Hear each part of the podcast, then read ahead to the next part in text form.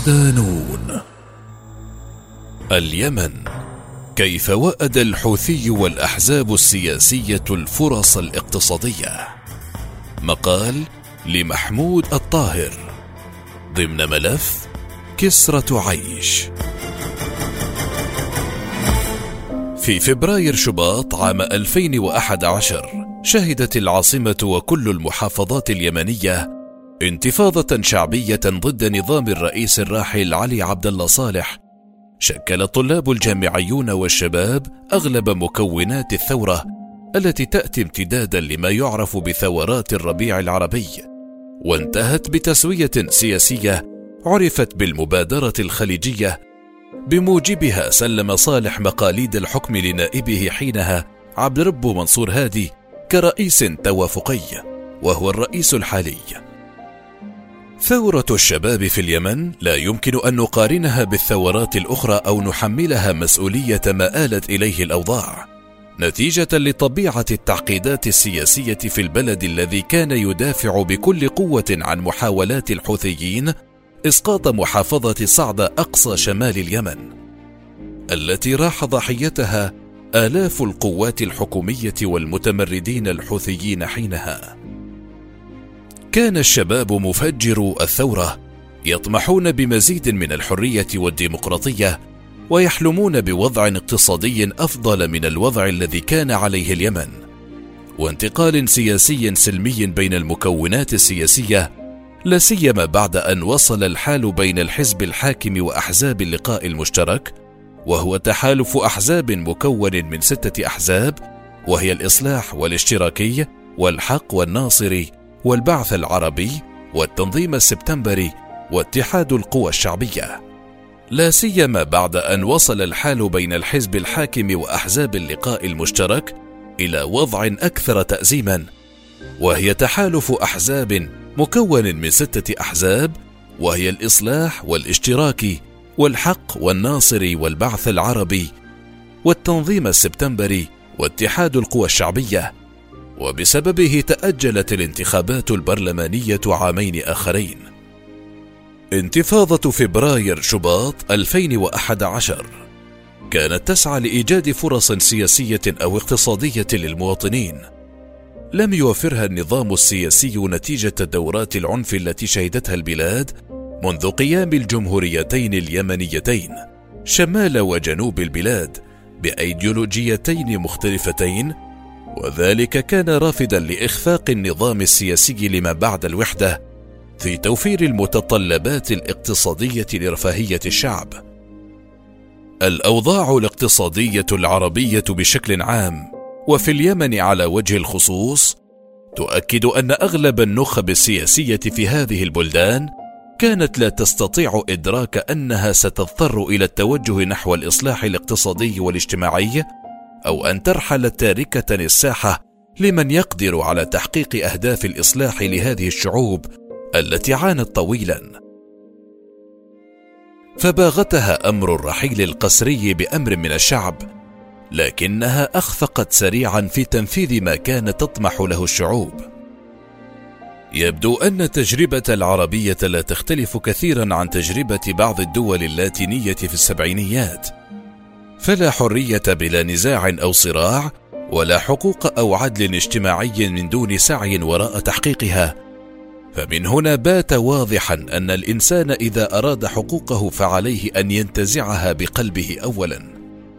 فإن لم يستطع فبلسانه كما حدث في ميادين مصر وتونس واليمن فإن لم يستطع فبيده كما حدث في ليبيا وأخفقت في سوريا. غير أن الاختلاف بين الدول اللاتينية والعربية شاسع. ومرحلة النضج لدى العرب لم تصل بعد لمرحلة متقدمة في مثل هذه الأمور الحاسمة. نخص بالذكر في هذا الموضوع الجمهورية اليمنية ومراحل الثورة ووأدها وتجييرها والقضاء عليها التي تعاني من ظلم لا تستحقه واتهامات كبيرة أنها وراء ما يحدث في اليمن إذ تغير المشهد بشكل تراجيدي وانقلب الوضع على الجميع. حالمين بغد أفضل ومدافعين عن استمرارية التعايش بالشكل الذي كان عليه قبل 2011 رغم الفساد والأخطاء المرافقة لذلك.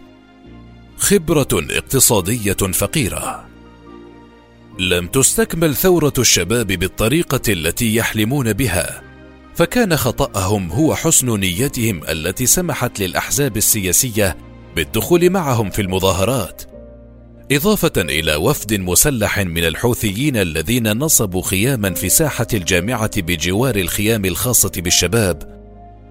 فسرعان ما سيطروا على تنسيقية شباب الثورة مع أحزاب اللقاء المشترك، وبات الأخيرون هم الثورة وهم أصحاب الحق تعرض الكثير من شباب الثورة إلى السجن والضرب والإخفاء القسري وتم تصعيد مكانهم شبابا ينتمون إلى الأحزاب السياسية والحوثيين وأطلقوا عليهم شباب الثورة. ومن هنا بدأت الثورة الشبابية تخرج من مسارها.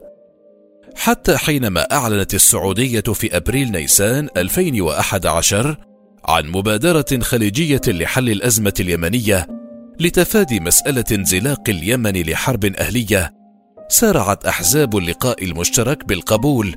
شريطة أن يتنحى علي عبد الله صالح من الحكم بطريقة توافقية. لكن ذلك رفضه الحوثيون وهذه كانت البداية التي تشكل خطرا على الثورة حتى بعد أن سيطر عليها أحزاب اللقاء المشترك.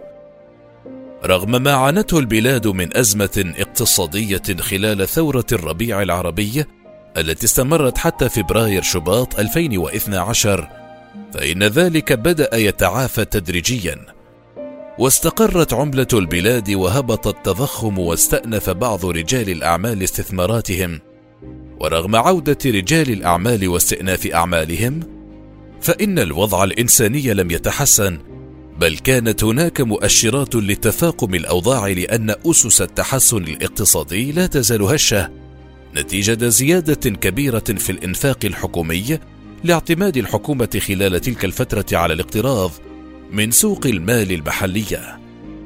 في أثناء التظاهرات كان الشباب الذين حاصرهم الحوثيون والمكونات السياسية الأخرى ومنعوهم من الصعود إلى منصة الساحة للحديث يتحدثون عن خطط ما بعد صالح في إدارة السياسة والاقتصاد والتوزيع العادل للثروة وإعادة النظر في عقود بيع النفط والغاز والاتفاقيات الدولية بما يخدم الشعب فكانت أحلاما تناقش داخل الخيام.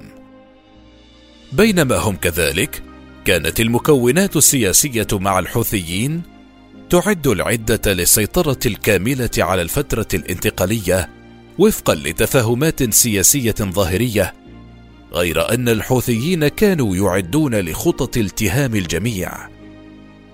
ما إن دعا علي عبد الله صالح إلى انتخابات رئاسية مبكرة وفقا للمبادرة الخارجية وتزكية عبد ربه منصور هادي رئيسا انتقاليا قدمت الأحزاب السياسية والحوثيون قائمة أسماء تابعة لهم للسيطره على البلاد. وغالبيتهم يفتقرون للإدارة السياسية والاقتصادية وكان الجميع يسعى للسيطرة على الدولة ومقدراتها. وانتهت تلك الشعارات التي كانوا ينادون بها من حرية وعيش وكرامة سريعا. كان هناك تعاف اقتصادي بطيء نتيجة عودة رجال الأعمال والمصانع التجارية للعمل مرة أخرى.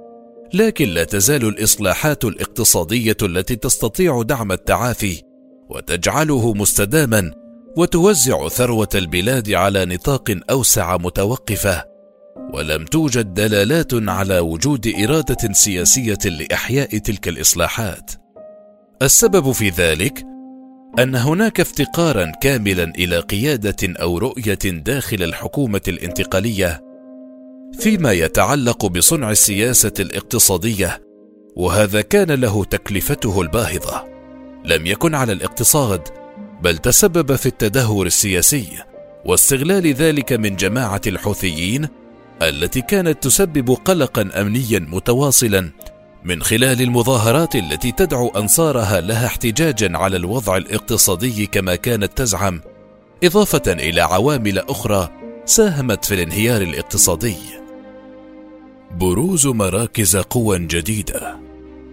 يرى الخبير الاقتصادي عبد الحميد المساجدي أن عوامل انهيار الاقتصاد منذ 2011 تتمثل في الضريبة التي دفعها اليمن لمراكز القوى الجديدة التي برزت في النظام الجديد الناتج عن أحداث 2011 التي كانت بمثابة الحصول على مشاريع وعقود سواء لتسويق النفط الخام أم لبناء وتنفيذ مقاولات حكومية بالتكليف المباشر ودون مناقصات فكانت عبارة عن رد الجميل لدعم احتجاجات 2011 وأوضح في حديث لنون بوست أن أهم تلك العوامل تتمثل في التضخم الكبير في الهيكل الوظيفي للجهاز الإداري المدني والعسكري للدولة ناهيك بغياب الرقابة والمحاسبة وتهميش دور البرلمان وبالتالي كان الجهاز التنفيذي للدولة يعمل دون أي اعتبارات للرقابة والمحاسبة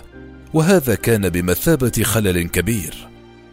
الباحث الاقتصادي فارس النجار يعتبر أن الانهيار الاقتصادي الذي حدث لما بعد 2011 ناتج عن عدم الاستقرار السياسي. ويلقي اللوم على ثورة 2011 على اعتبار أنها أثرت كثيرا على المستوى الاقتصادي لكونها عطلت حركة الاستثمار في البلاد ورفعت نسبة مخاطر الاستثمار. وقال إن الحكومة الانتقالية لم تكن ذات كفاءة وعملت على رفع فاتورة الإنفاق نتيجة الصراعات التي حدثت آنذاك. ومن ضمنها سيطرة القاعدة على محافظة أبين ناهيك بالأعمال التخريبية التي طالت كثيرا من مؤسسات الدولة وعطلت أعمالها. الأمر الذي أثر أيضا على المستوى العام للاقتصاد وعلى مستوى الإيرادات العامة نتيجة استهداف المنشآت الحكومية. في إشارة منه إلى أن ثورة الشباب سببت فراغا أمنيا كبيرا كانت نتائجه على المستوى الاقتصادي والسياسي كارثية. تأسيس للفوضى. يعتبر المساجد أن ثورة 2011 وما أعقبها من ركوب موجها أسست للفوضى واستهداف البنى التحتية. فزادت نسبة التأمين البحري على الملاحة على السفن الواصلة إلى اليمن إضافة إلى تقليص الشركات النفطية أعمالها خلال الفترة التي أعقبت الاحتجاجات وإيقاف كثير من الشركات الاستثمارية مشاريعها في اليمن. كتلال الريان القطرية وغيرها من المشاريع التي كانت على وشك البدء فيها. وأوضح أن نسبة الاستثمارات الخارجية تراجعت في اليمن إلى أدنى مستوياتها فضلا عن هجرة رؤوس المال الوطنية خارج اليمن وتوقف الاستثمارات الداخلية بفعل حالة عدم اليقين من النظام السياسي في البلاد وما تشهده اليمن حينها من تفجيرات واغتيالات وحالة استقطاب سياسي حاد ناهيك بتأزم الخطاب الإعلامي الذي كان يتسم بالشحن والكراهية. ويتفق معه في هذا الطرح فارس النجار الذي اعتبر أن عدم الاستقرار السياسي يدفع الأفراد والمنشآت إلى زيادة الطلب على النقد الأجنبي وهذا يؤثر على مستوى العملة خاصة مع تعثر الإنتاج وزيادة أعمال التخريب والتقطع.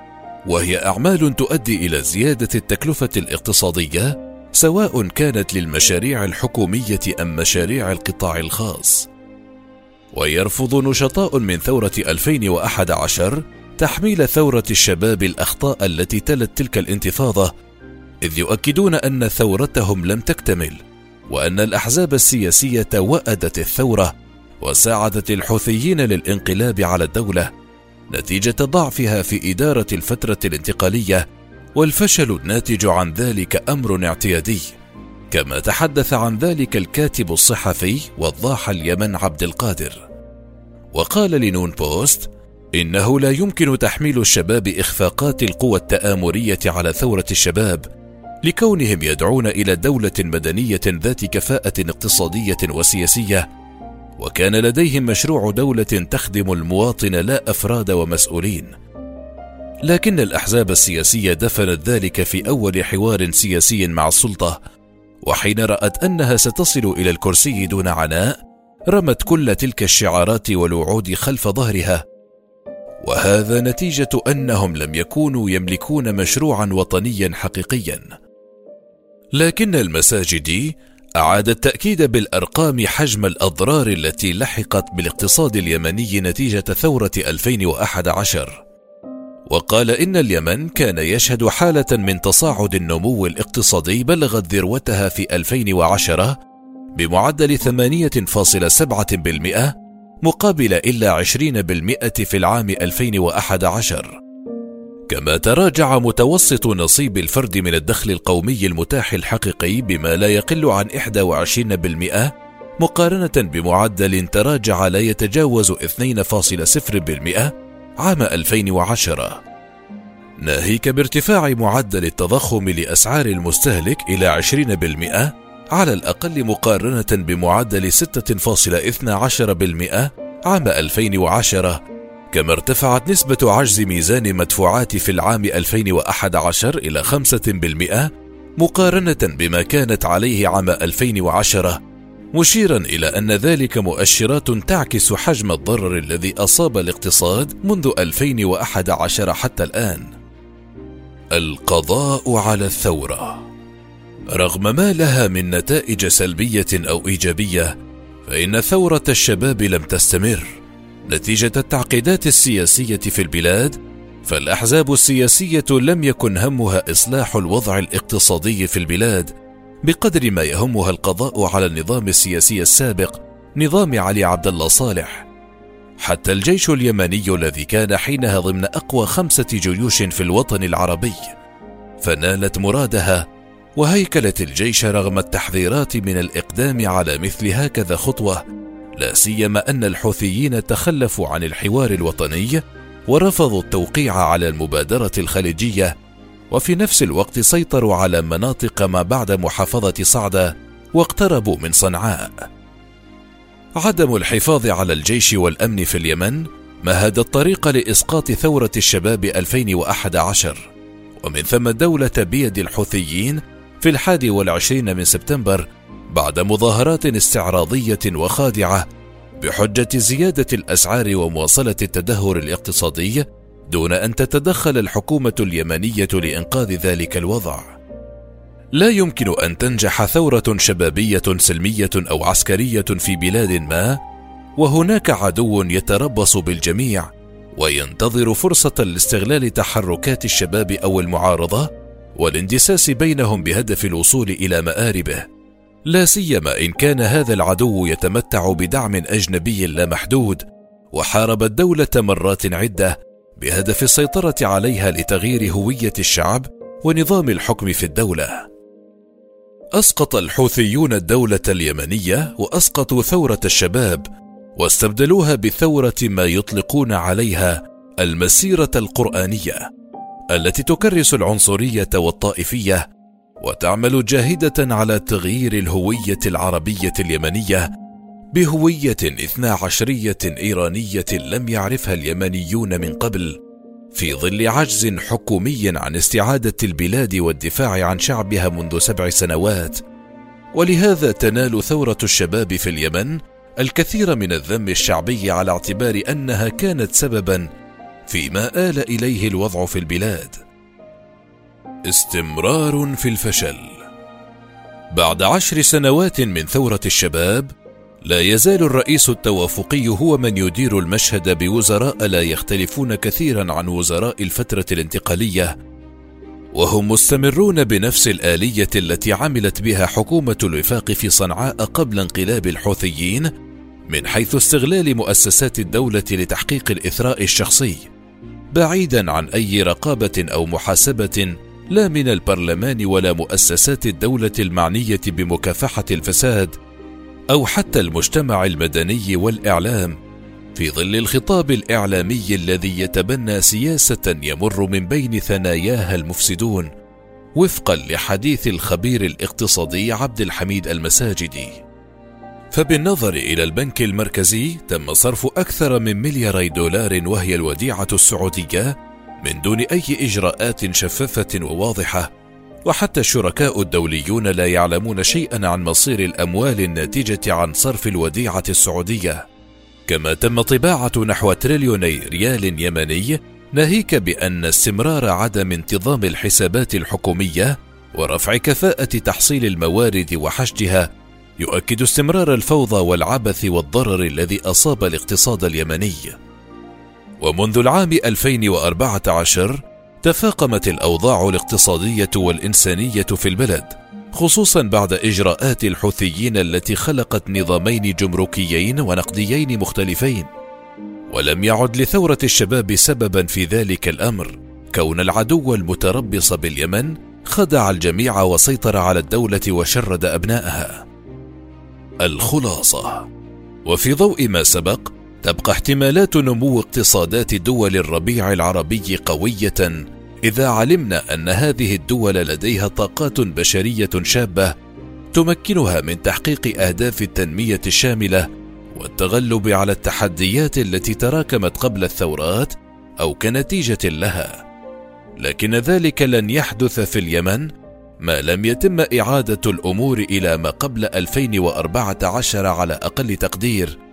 بهدف تحرير اقتصادات الربيع العربي وإطلاق روح المبادرات الفردية لدى الشباب وتوفير التمويل اللازم لتحقيق أهداف التنمية.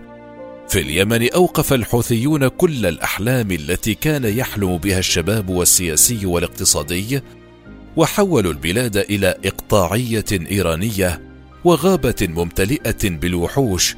البقاء فيها للأقوى ولن يعود اليمن إلا بالقضاء على الحوثيين. والعودة إلى أهداف ثورة الشباب لن تكون إلا بزوال المتسبب في فشل ثورة الربيع.